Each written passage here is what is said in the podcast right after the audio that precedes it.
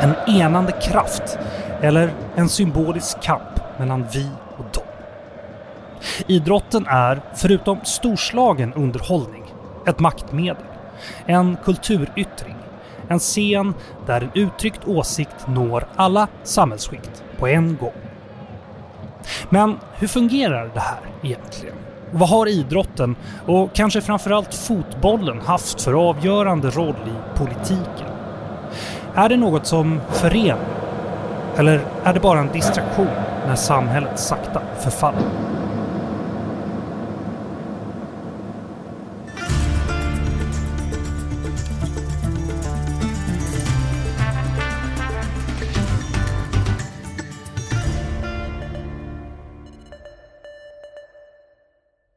Det här är Utrikespolitiska institutets podd Utblick. Jag heter Jonas Lövenberg. Här om månaden tog vi oss igenom ett fotbolls-EM där Sverige klarade sig till åttondelsfinal. Där herrlandslaget slogs ut av Ukraina med 1-2. Avgörandet kom i 121 minuten där Artem Dovbyk nickade in ett inlägg. Det var eh, förstås tråkigt att EM-äventyret slutade där för Sverige, men om vi ser till vad som stod på spel politiskt så kanske det var viktigare för Ukraina att vinna. Vi återkommer till det. Sen dess har vi också hunnit med ett OS i Tokyo och eh, där gick det betydligt bättre. Sverige skrapade ihop nio medaljer och bland annat så tog fotbollsdamerna en silvermedalj. I det här avsnittet kommer fotbollen tjäna som vårt huvudexempel men vi kommer även prata om annan sport. Och för att hjälpa mig att förstå hur politik och idrott hänger ihop har jag med mig Ekim Çallar, författare, skribent och utbildad statsvetare som skrivit två böcker om just fotboll och politik. Välkommen! Stort tack! Eh, jag har också med mig Sara Martinsson. Även hon är frilansjournalist och författare. Och tidigare år kom hennes bok om kvinnor inom tyngdlyftningen och eh, hon skriver även återkommande för Offside. Välkommen Sara! Ja, tack så mycket! Vi ska ju prata om fotboll och idrott och politik. Eh, men ska fotboll eller annan idrott ens vara politisk? Vad säger ni? Ek? Alltså den frågan är ju svår att besvara eftersom den redan är så politisk och varit det under så många år. Alltså den moderna fotbollen, dess nuvarande form har funnits i ungefär 150 år. I över 100 år åtminstone så har den varit invävd i olika typer av samhälleliga processer. Så att den utvecklingen är svår att eh, rulla tillbaka någonstans. Så att idag är fotbollen en politisk maktfaktor, det är en ekonomisk maktfaktor. Den spelar en positiv roll i vissa sammanhang, negativ roll i andra sammanhang. Så att ska vi behandla fotbollen som ett socialt fenomen, då är det nästan bättre att utgå ifrån att den redan är samhällelig och att det inte kommer att gå på något annat sätt än att lyfta fram de positiva delarna om man vill att den ska fylla en sån funktion. Mm.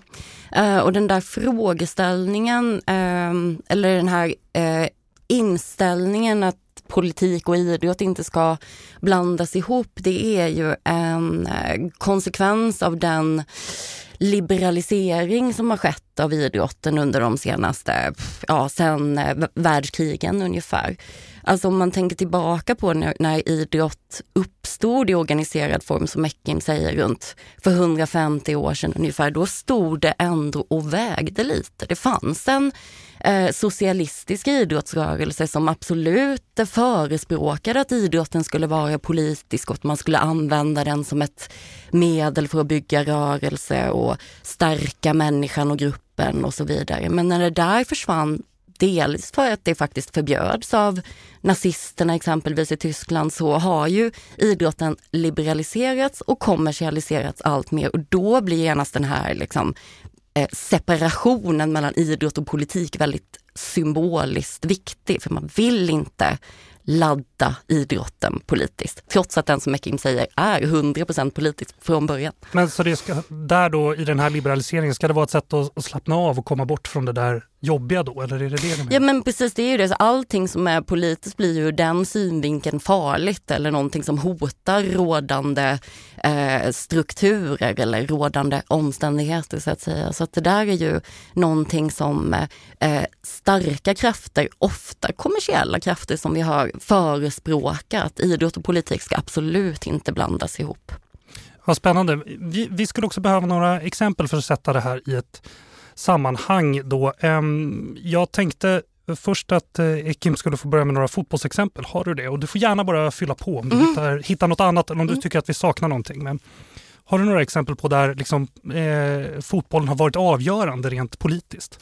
Ja, och avgörande är en svår fråga. För jag tror mm. att alla de fall där fotbollen har blivit samhällelig eh, så är det ju ekonomiska, sociala, politiska förutsättningar som har gjort att den har spelat en sån roll. Så att det går inte att isolera fotbollens kraft eller fotbollens eh, vad ska man säga, effekter till att bara handla om fotboll, utan det krävs vissa förutsättningar för att den ska bli politiserad också. Men det finns några sådana exempel som är svåra och runda, som ofta brukar nämnas i sådana här sammanhang. Och då kan man börja med ett negativt exempel som kan hämtas från 1969. Det så kallade fotbollskriget kallas också för hundratimmarskriget som var mellan Honduras och El Salvador som var en eh, konsekvens av Eh, tre kvalmatcher, VM-kvalmatcher mellan de här länderna, men där också fanns en politisk och social bakgrund i att det fanns hundratusentals salvadoraner som arbetade som jordbrukare i Honduras till exempel och en jordreform på 60-talet, en politisk reform i Honduras, gjorde att många var lottlösa. Och det här ledde till också att de här matcherna kantades av att man piskade upp stämningen i medier och bland makthavare. Så att som ett resultat av den här bakgrunden så blev fotbollen en katalysator för en väpnad konflikt där tusentals människor dog. Så det är ett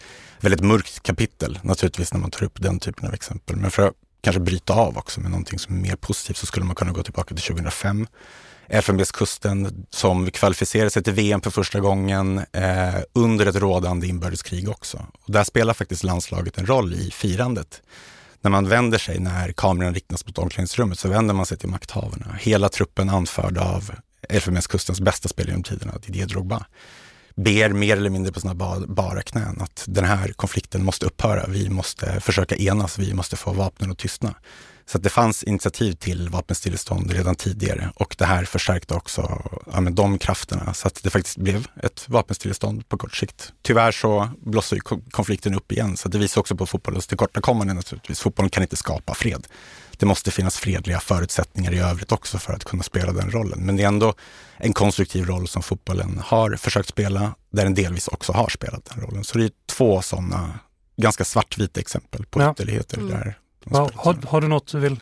Nej men det jag tänker mm. på är, för att återknyta till det här som vi sa innan, liksom om idrott och, idrott och politik överhuvudtaget hänger ihop, alltså mot bakgrund av det som Meckin mm. berättar så det är ju eh, som att det hela tiden finns ett eh, politiskt läckage inom idrotten. Alltså hur mycket man än från eh, de organiserande krafterna försöker hålla emot och till exempel förbjuda politiska ställningstaganden så eh, läcker den här typen av eh, händelser eller situationer hela tiden igenom. Och då tänker jag till exempel specifikt på det här ganska aktuella exemplet från OS med den mm. belarusiska sprintern. Alltså OS är ju ett enormt kommersiellt jippo och där man i allra högsta grad och utsträckning vill undvika politiska aktioner eller ställningstaganden. Men ändå så händer den här typen av saker hela tiden. Och eftersom att idrotten har en sån folklig potential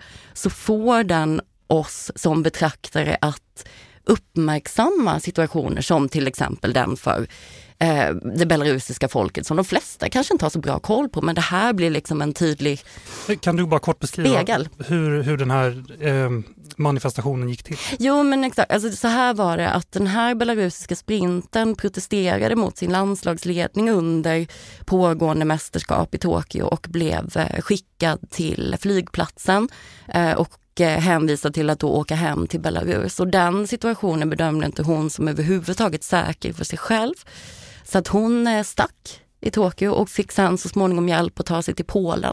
Och där har hon sen eh, eh talat med media och berättat om sin situation och hur eh, att hon vill eh, framöver här nu kämpa för tystade belarusiska idrottare och så. Så det är liksom en, eh, idrotten sätter där ett, eh, ett förstoringsglas eller en, en vad heter det, en, ett ljus på den politiska situationen.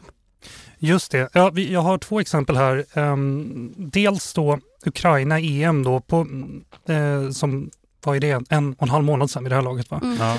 Um, Ukra de ukrainska spelarna uh, hade på sina matchställ så hade de konturerna av Ukraina då med hela Ukraina inklusive den del som Ryssland har annekterat och på tröjornas kragar stod det ära åt Ukraina och ära åt hjältarna vilket är uttryck som ofta används inom den, det militära i Ukraina. Hur togs det här emot? Alltså de omedelbara reaktionerna var att Uefa förbjöd Ukraina från att använda ett av de här slagorden, ära åt hjältarna. Och så fick de andra uttrycken vara kvar. Och det visar också på det märkliga i vad man gör avgränsning för vad som är mest politiskt. Eh, jag tycker att helhetsbilden, anledningen till att man har de här symbolerna, det är politiska ställningstaganden i sig. Men just ära hjältarna ansågs vara alltför historiskt kopplat, att det hade historiska och militära konnotationer, så den fick de ta bort. Och i övrigt, bland eh, de reaktionerna som fanns, vi vet att Eh, Volodymyr Zelensky som är president i, i Ukraina var naturligtvis eld och lågor över det här och lyfte fram det här som ett positivt exempel. Det varit väldigt populärt i Ukraina samtidigt som det i Ryssland var bland annat en parlamentsledamot och en talesperson från ryska UD också som visade, visade att man, man visade upp typ ett missnöje med det här och menade att det här var ett ställningstagande som faktiskt var provocerande menade den ryska sidan. Men det Ukraina gjorde där, det var ju att man bekräftade att fotbollens faktiskt uttryckssätt, fotbollens attiraljer, Sara är inne på det också, att det erbjuder någon typ av politisk kommunikation, att man mm. sätter mm. ljus på konflikter som finns. Att man kan påminna omvärlden om att den här frågan är fortfarande levande. Och sen så får det inte stora politiska konsekvenser, men det får åtminstone konsekvenser att till och med Uefa någonstans blir eh, varse om att de här frågorna lyfts in och att tröjorna faktiskt är eh, symbolladdade budskap. Mm.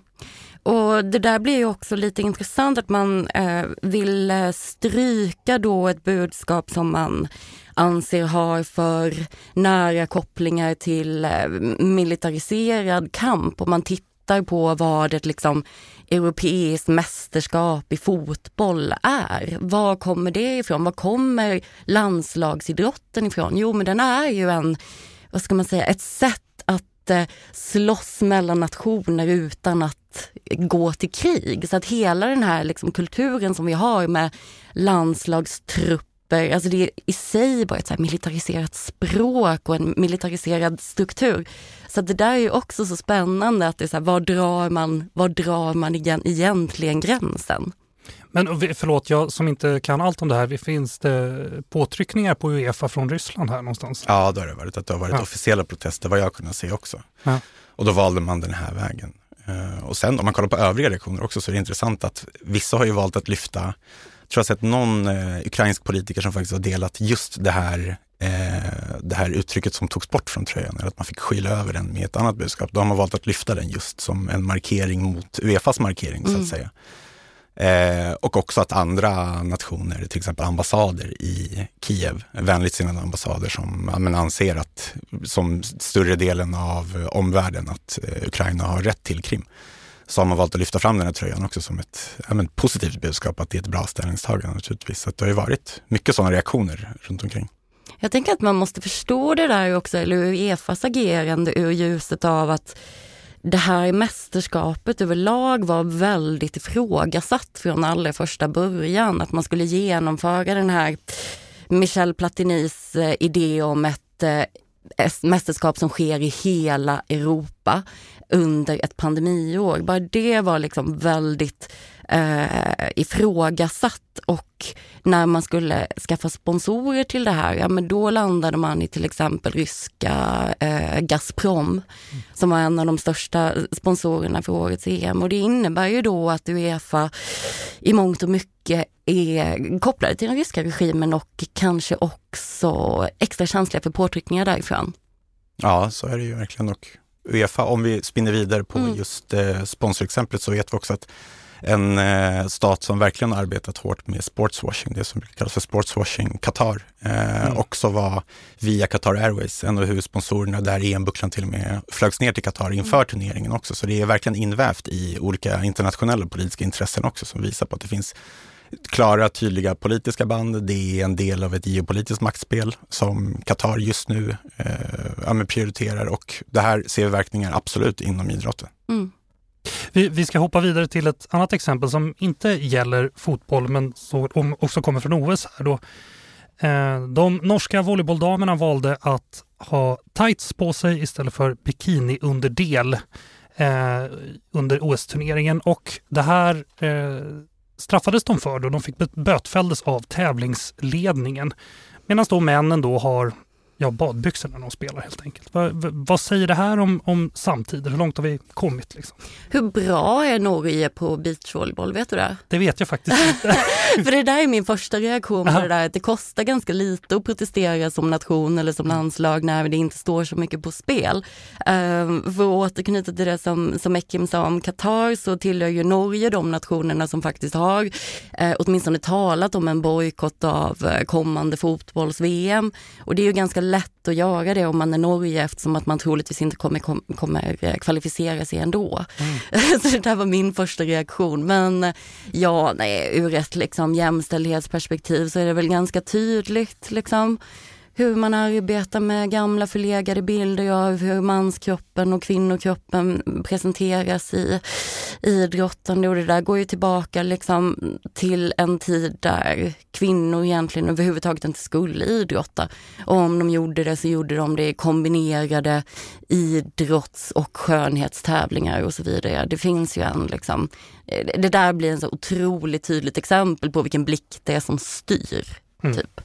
Jag håller precis med och det visar också på att kvinnor inte bara kan vara kvinnor som utövar idrott på eh, lika villkor som män utan måste bidra med någonting mer och det är den blicken som vi är inne på där också. Mm. Vad som förväntas av kvinnor när de idrottar, det är helt uppenbart att det, att det har ingenting med jämställdhet att göra. Man spelar inte på lika villkor, man deltar inte på lika villkor om man inte bidrar med det som kvinnor förväntas bidra med. Och man hade önskat att man hade kommit längre men uppenbarligen så är det inte så. Mm. Jag tycker ju din observation där att man om, man, om det inte är så mycket som står på spel, jag vet ju som sagt inte hur bra Norge är, är intressant också. Att man kan använda liksom sin eh, alltså sin låga kapacitet i en idrott, att också använda det politiskt. Då. Men det är inte så himla dumt tänker Nej. jag. Alltså någonting, jag menar, kan, vet man att man inte kommer ha någonting att göra med medaljstriden så varför inte använda, jag tänker också lite på ett annat så aktuellt, eller inte aktuellt, inaktuellt exempel som var när Emma Gren, höjdhopparen, målade sina naglar i regnbågsfärger under något av friidrotts... Jag kommer inte ihåg om det var ett EM eller ett VM, men det var i en direkt liksom, protest mot eh, nationer där eh, hbtq-personers eh, rättigheter inte, eller har varit väldigt inskränkta. Sådär. Eh, och hon var ju inte heller någon, något affischnamn då, men blev ju ett genom att göra det här ställningstagandet. Så det är inte så dumt. Nej. Vi ska fortsätta med, med de tråkiga sakerna här mm. inom idrotten för, eh, och fotbollen. Um, men till att börja med så här, varför är fotboll och annan idrott, varför är det så eftertraktade maktmedel? Vi har ju fått flera exempel på det. Jag tycker att Sara var inne på det väldigt bra med just kommunikationen. Det är ett folkligt sätt att tilltala stora grupper av människor. Så att kollar man, kan ta ett exempel från Turkiet där fotbollen är väldigt politiserad så ser man att i valrörelser så är i princip alla partiers partiledare iklädda laghalsdukar beroende på vart de håller valtal. Och det är ett sätt att visa sympati med medborgarna där. Det gör man via fotbollshalsdukar för att det är ett väldigt tydligt eh, ställningstagande. Och sen när man börjar röra sig mer mot till exempel med fotbollens ekonomi, eh, återigen ett exempel från Turkiet, så är ju Eh, fotbollens infrastruktur är ju ofta en viktig del av ett lands ekonomi också, eller kan vara en viktig del av ett lands ekonomi också. Så att i länder där man satsar väldigt mycket på till exempel att pumpa in pengar i byggindustrin så kan stora infrastruktursatsningar i form av att bygga jättemånga nya arenor eh, kan vara ett sätt att ja, men, stärka den delen av ekonomin också, vilket man sett i Turkiet under ja, men, den nuvarande regeringens maktinnehav. Och det har både berott på eh, att de gamla arenorna verkligen har behövt någon typ av upprustning och så, men det har också varit ett sätt att faktiskt pumpa in pengar i den här delen av ekonomin. Så det är ju, de två delarna finns och vi har varit inne lite grann på det här med sportswashing, hur idrotten bidrar också till att, eller att många regimer vill stärka sin mjuka makt via fotbollen. Det är också en del av fotbollen som där man kan investera pengar och faktiskt se till så att åtminstone världens blickar riktas mot den för ja, nästan hela världens blickar vart fjärde år om man tittar på de stora turneringarna som ja, men VM i Qatar 2022 är verkligen ett sånt exempel där Qatar vill tvätta ett skamfilat rykte och det går att göra genom att ja, få den här typen av evenemang också. Så det är hett eftertraktat och det här finns ju också i det handlar inte bara om att arrangera storturneringar. Det här sker ju i det vanliga ligalunket också skulle man kunna säga genom att sportswashing sker genom att arrangera enskilda finalmatcher. Det sker genom sponsring. Det sker genom direkta ägarinnehav också. Om man tittar på den europeiska toppfotbollen till exempel, så vet vi att en av Englands största klubbar just nu, Manchester City, ägs av en medlem ur Abu Dhabis kungafamilj och tillika vice premiärminister. Vi vet att Frankrikes just nu mest framgångsrika klubb, en av världens absolut rikaste klubbar, Paris Saint-Germain, också ägs av en katarisk statlig investeringsfond. Och det här är ju alla olika sätt för att flytta fram positioner också. Det finns säkerligen ett fotbollsintresse bland de personer som anställs där och har, sitter på maktpositioner. Men det måste också förstås mot bakgrund av att det finns ett geopolitiskt spel där det är petrodollar som förs in i toppfotbollen för att också på sikt vill aktörerna som gör det här förhoppningsvis för, utifrån deras perspektiv, att man flyttar fram sin position naturligtvis.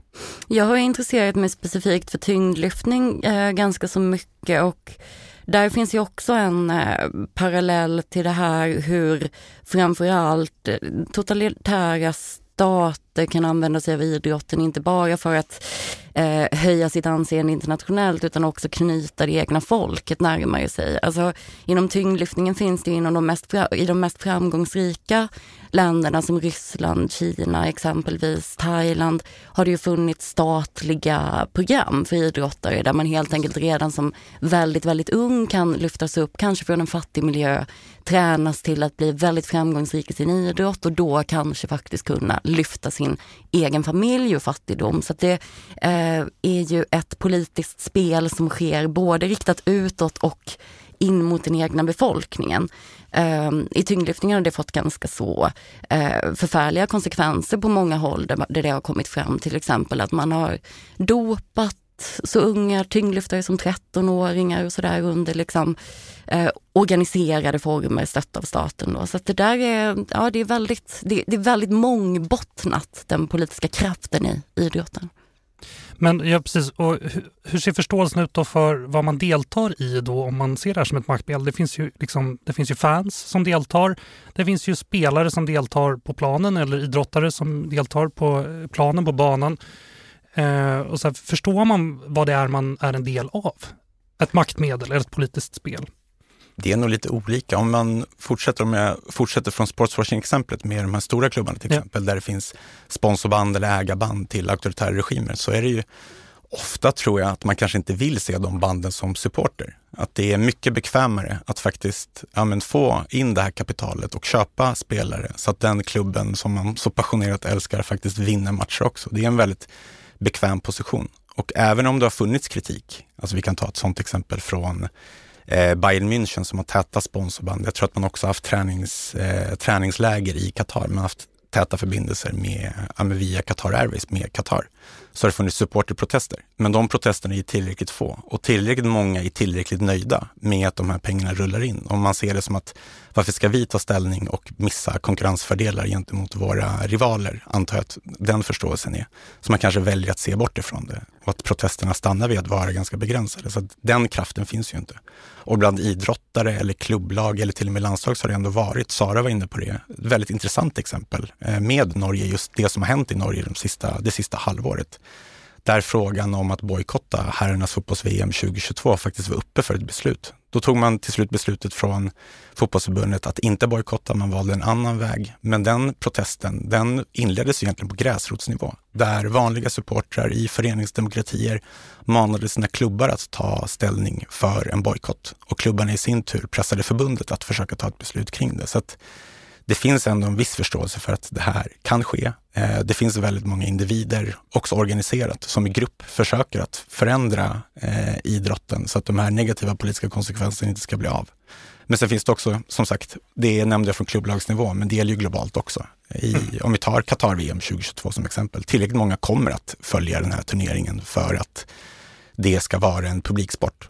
Sen får man hoppas att de kritiska frågorna verkligen genomsyrar både uppladdningen och under den här turneringen också att det är tillräckligt många kröniker, tillräckligt många kanske supporterprotester. Det kommer säkerligen vara spelare som tar ställning mot men alla de problem som vi ser i Qatar med brist på demokrati, med diskriminering mot kvinnor, lagstadgad diskriminering mot kvinnor, hbtqi-personer, men framförallt migrantarbetarnas situation där vi vet att väldigt många människor har dött de sista tio åren som är men väldigt fattiga migrantarbetare där både formerna för arbetet och själva ersättningen är rent vidrig. Mm. Ja, den är väldigt, än så länge så är ju den, åtminstone om man tittar från liksom förbundshåll här i Sverige och sådär, så är ju eh, diskussionen än så länge ganska tandlös kan jag tycka. Mm. Men det jag tänkte på också som har med det här att göra är ju att Alltså ett eh, problem som jag ser det vad det kommer till liksom, om i, eh, idrottare själva är medvetna om vilken arena mm. de eh, eh, verkar på är ju att det är eh, minoritetspersoner eh, som eh, är de som har eh, som ser det här tydligast och som också utnyttjar det. Eh, eller använder sig av det ska jag kanske säga. Jag tänker på de här protesterna mot rasism och polisbrutalitet som började i USA i den amerikanska fotbollen. Eh, med eh, den afroamerikanske spelaren Colin Kaepernick. Ja men där är ju ett exempel. Eh, och också så dam, damer inom fotbollen. Det svenska damlandslaget som så regelmässigt får svara på frågor om jämställdhet och strukturer och vad ska vi göra för att kvinnor ska få bättre villkor? De frågorna ställs ju aldrig, nästan. 99 gånger av 100 ställs de frågorna till en minoritetsperson. De ställs inte till en till Andreas Granqvist i svenska herrlandslaget och det där är ju lite av ett eh, problem. Men okej, okay, men är det bra eller det inte, finns det inte något bra i det också då? Eller? Att de får ja, det är väl bra men det blir ju också väldigt orättvist att som, att, som damfotbollsspelare då till exempel både verka under sämre villkor och förväntas vara någon form av aktivist. Ja. Alltså det, det går inte riktigt ihop. Liksom. Men hur ska man, hur, hur ska man ta hand om det där som journalist, undrar journalisten här. Ja men exakt, exakt. och så ställer, ställer han den frågan ja. till, till eh, kvinnan i rummet. Ja. Uh, nej men eh, det, där, precis, men där, ja. där är vi ju liksom. Uh, och det sättet som man kan ta hand om det där tänker jag är att man kan efterlysa ett större engagemang från de som representerar majoriteten.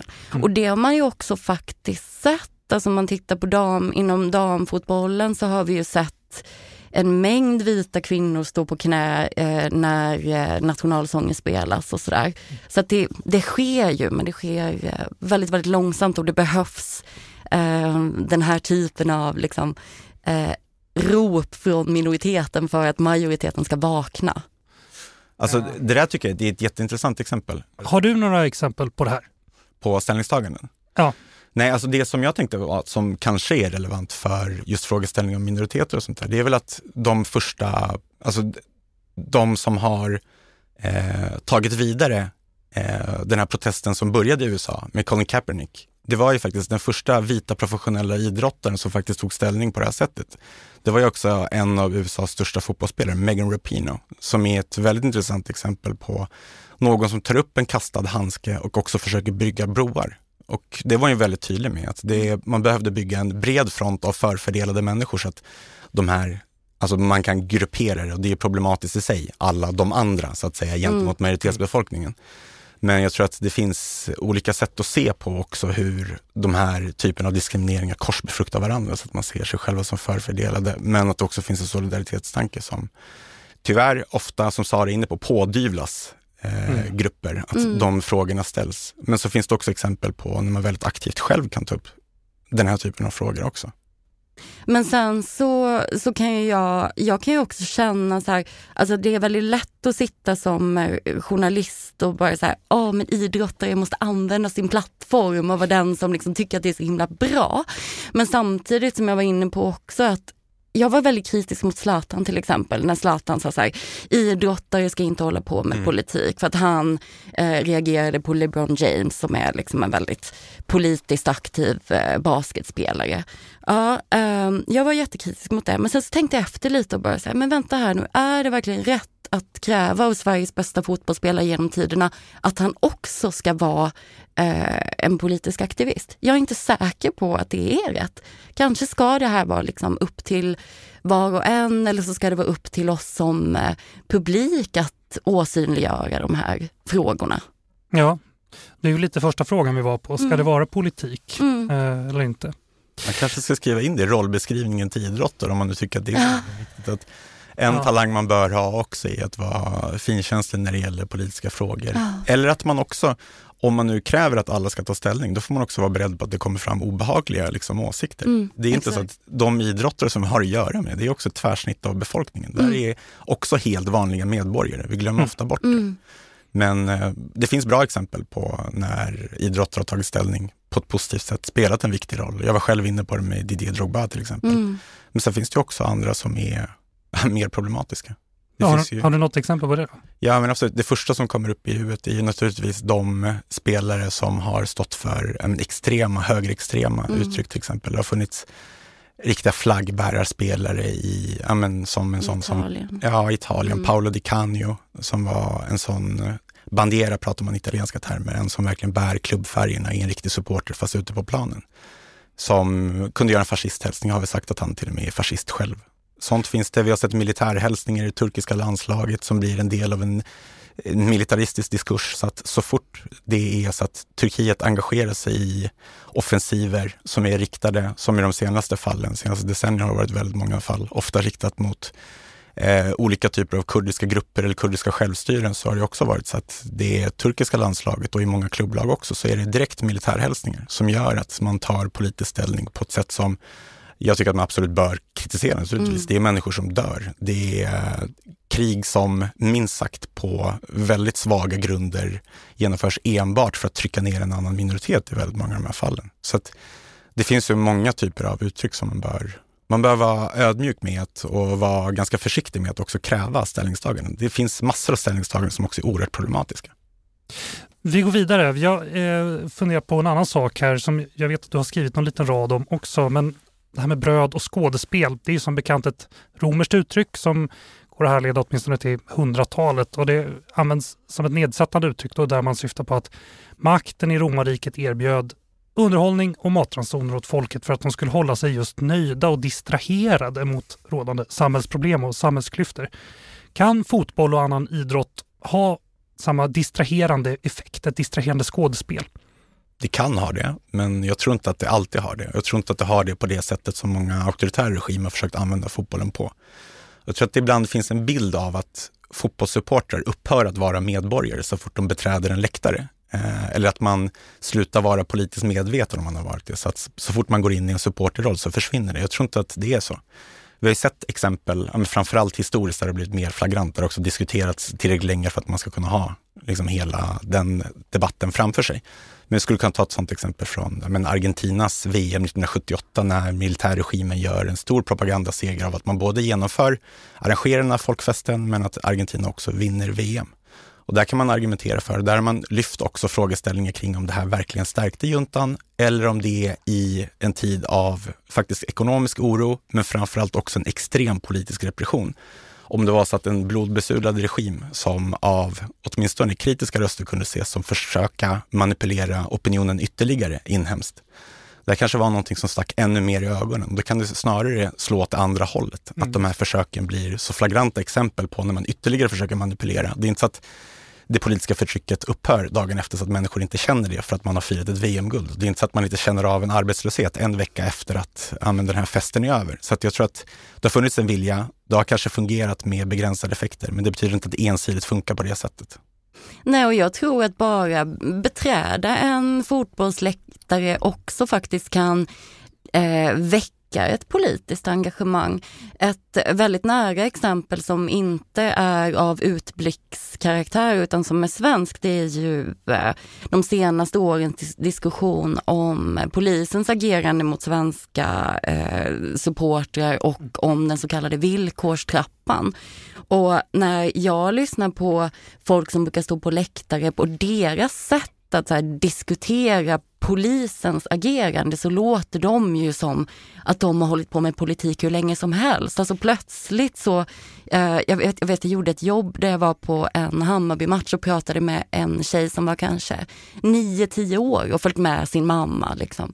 Eh, och lyssna på det här barnet prata om hur viktigt det är att få stå på en fotbollsläktare och få samlas och vara här tillsammans. Så här, det det så här sättet att argumentera eh, var ju helt fantastiskt och ett tydligt tecken på en politisk medvetenhet. Eh, så att den där idén att man liksom inte är politisk bara för att man kliver in på en arena, den, den tror jag, den stämmer inte alls, tvärtom. Man skulle dessutom kunna lägga till, jag håller med om allt som är sagt, man skulle också kunna lägga till frågan om föreningsdemokrati. Mm, som också, också får... ett sånt exempel. Lär folk politik. Ja, liksom. verkligen. Och hur man ska arbeta tillsammans för Mm. att behålla en föreningsstruktur som faktiskt är demokratisk, så att man Mm. inte ska föra in kommersiella krafter. Det är också i allra högsta grad en, ja, men jag tycker att det är en politisk fråga och organiseringen kring det här påminner också om hur man driver politiska frågor, Mm. naturligtvis. Jag har en till tråkig sak jag ska ta upp in. Det här är egentligen en jättebra brygga över till, till, till, vi ska prata om de positiva effekterna förstås av, av det här, allt det här också. Men George Orwell, eh, eh, författare, samhällsdebattör, skrev 1945 i The Sporting Spirit. eh, Det är en text då som utgår från att fotbollslaget Dynamo Moskva besökte Storbritannien samma år.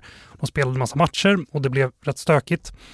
Eh, han landar i att publiksport lätt blir som krig minus skjutandet och att det är något som alltid eldar på nationalism.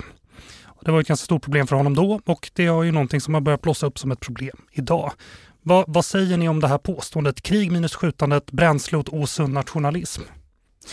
Det kan spela den rollen. Mm. Eh, det kan bidra till någon typ av, att upprätthålla någon typ av det som brukar kallas i forskningen, som Michael Billig myntade, socialpsykologen, för banal nationalism, en vardaglig nationalism. Mm. Och den ska man inte underskatta. Det har ju också, det kan få väldigt starka politiska effekter också.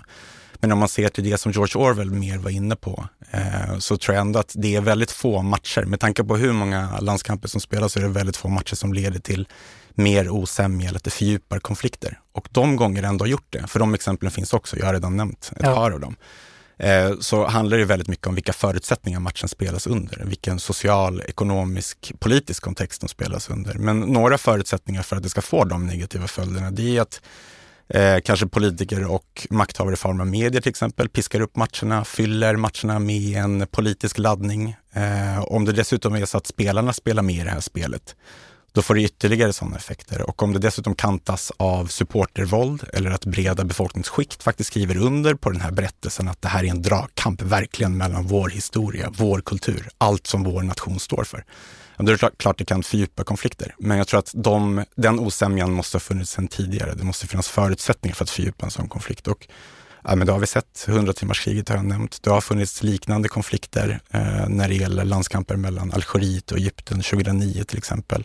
Så att det är någonting som är verkligt, men det är också undantag när man sett till, om man ser till de matcher som verkligen får tydliga sådana konsekvenser. Det var väl rätt skört i Europa 1945 Ja, precis. kan vi väl säga då. Ja, men. Men jag tänker att det här är ett sånt himla liksom, bra exempel på hur kraftfull och eh, unik idrotten kan vara just på det här sättet att den går direkt på våra känslor.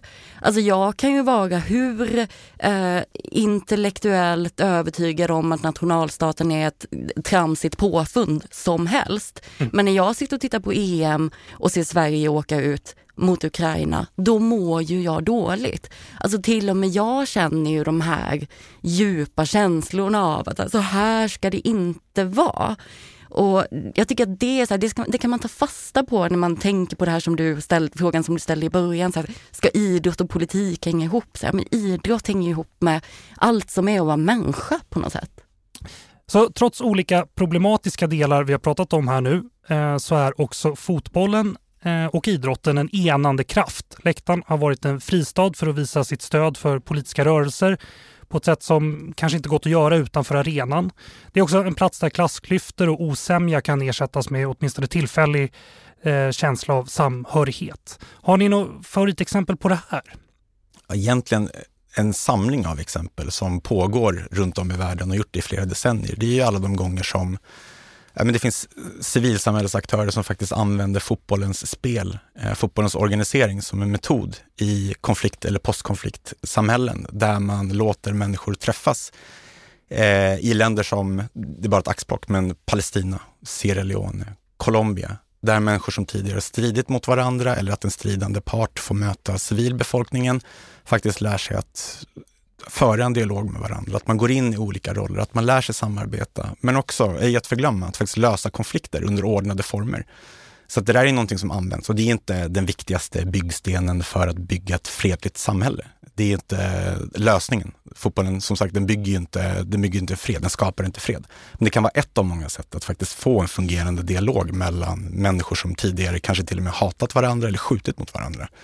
Så det, det tycker jag inte att man ska underskatta det är någonting som pågår och det är någonting som är en beprövad metod där det också finns ja, forskning som visar på att det här är någonting som kan utvärderas, det är någonting som kan ha effekter. Det kan vara en ingrediens i alla fall i hur man får till de här fungerande relationerna. Så det tycker jag är viktigt att lyfta. Okej, men eh, fortsätter på samma spår då. Kan man använda fotbollen eller annan idrott som konfliktlösare samhällsbyggare? Du säger det. Har du några mer konkreta exempel där det kanske har hänt? Då? Ja, alltså i alla fall i ett sätt där man kan bygga upp framtida institutioner för en fungerande maktutövning. Det finns faktiskt ett jätteintressant exempel från Sydafrika. Där fanns ett fotbollsförbund mellan 1966 och 1973 som heter Makana Football Association, som är annorlunda på så sätt att det faktiskt organiserade fångar på Robben Island. Mm. Och det man gjorde där var att för det första naturligtvis erbjuda någon typ av meningsfull eh, aktivitet för fångarna, men det fanns också ett annat syfte som var att ja, men faktiskt träna upp vissa byråkratiska färdigheter, men också att faktiskt låta konkurrerande anti-apartheid-rörelser eh, som fanns, där man hade fångar från PAC och ANC framförallt. Att de faktiskt fick eh, ja, men, organisera en liga, ha väldigt klara tydliga regler. Man utgick, utgick faktiskt från Fifas regelbok. Eh, man hade disciplinkommittéer så att framtida makthavare som till exempel Jacob Zuma var ju med i den här organiseringen och en eh, forskare som av många anses vara expert på det här ämnet, Chuck Corr, har ju sagt att ämen, det fanns en tydlig idé om att det här var ett sätt att bygga upp framtidens eh, byråkratiska färdigheter för att kunna eh, ämen, gå vidare i en framtid som man visste skulle vara utifrån sin övertygelse utan det här apartheidsystemet. Så det är inte den viktigaste kraften mot apartheid naturligtvis. Det är inte så att 90-talets demokratiska Sydafrika faktiskt byggdes på eh, Robben Island genom fotbollen. Men det var ett sätt att träna upp de här färdigheterna.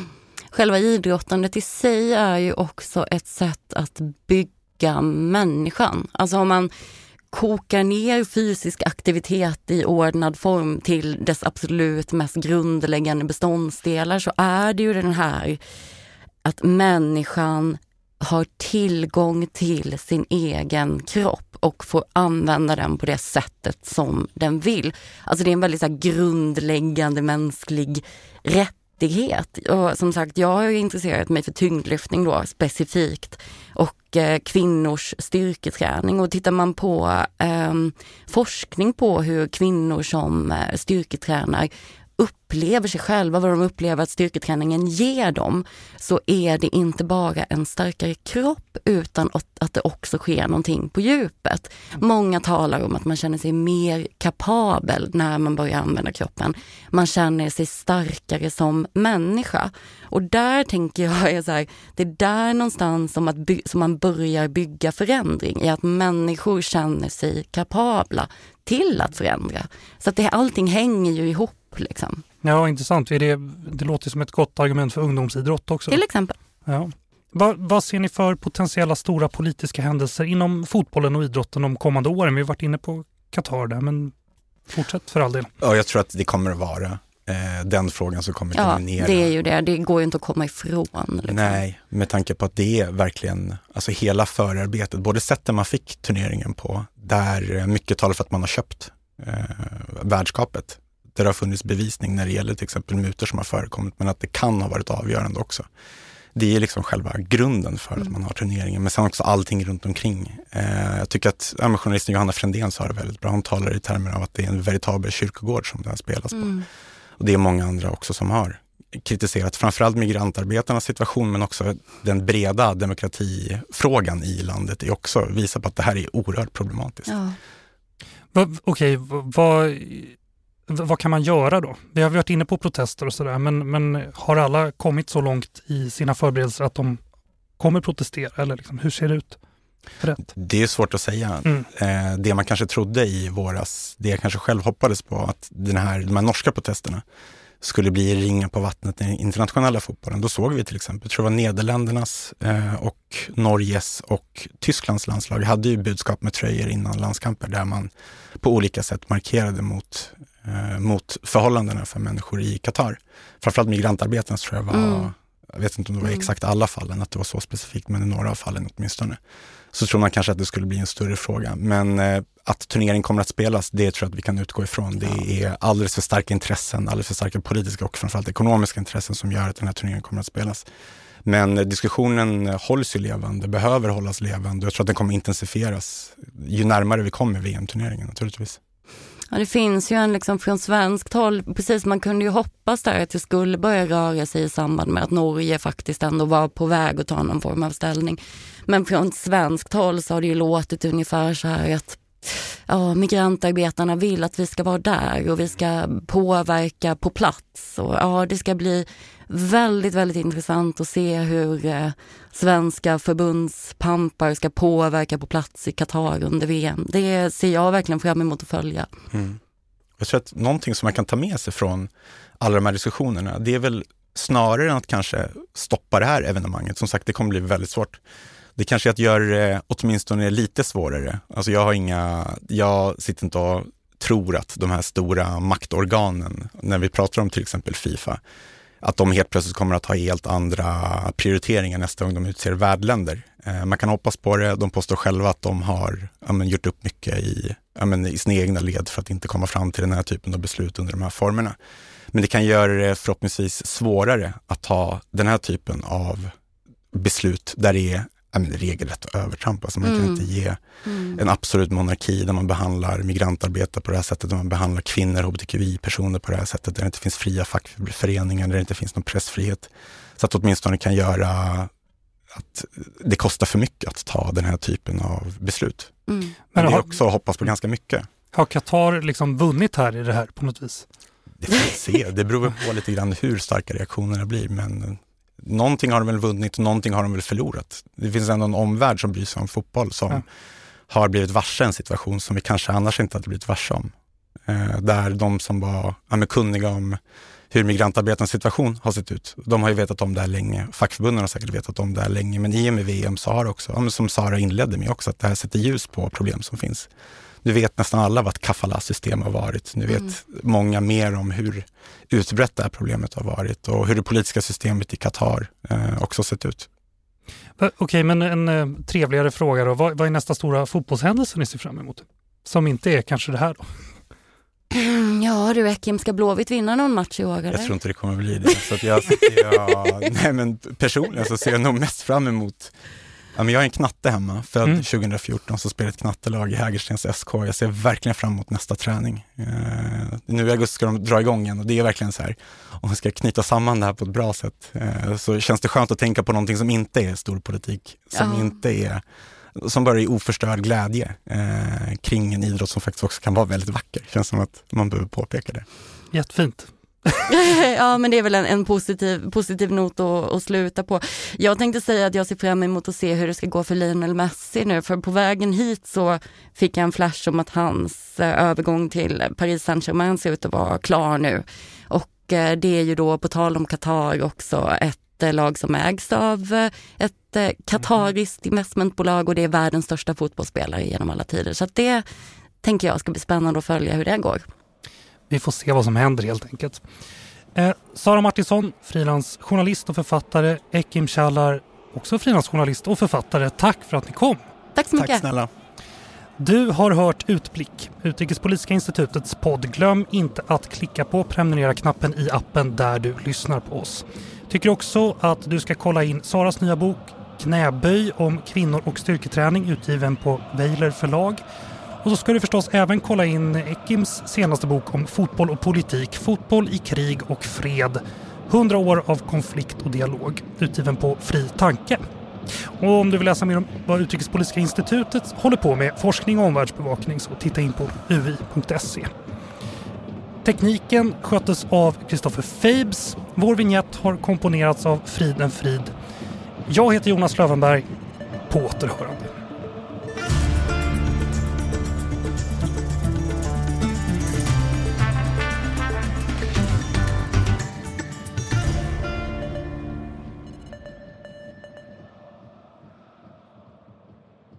Hur känns det? Ja, Nej men bra. Svettigt. Det har blivit jättevarmt i den här timmen här inne.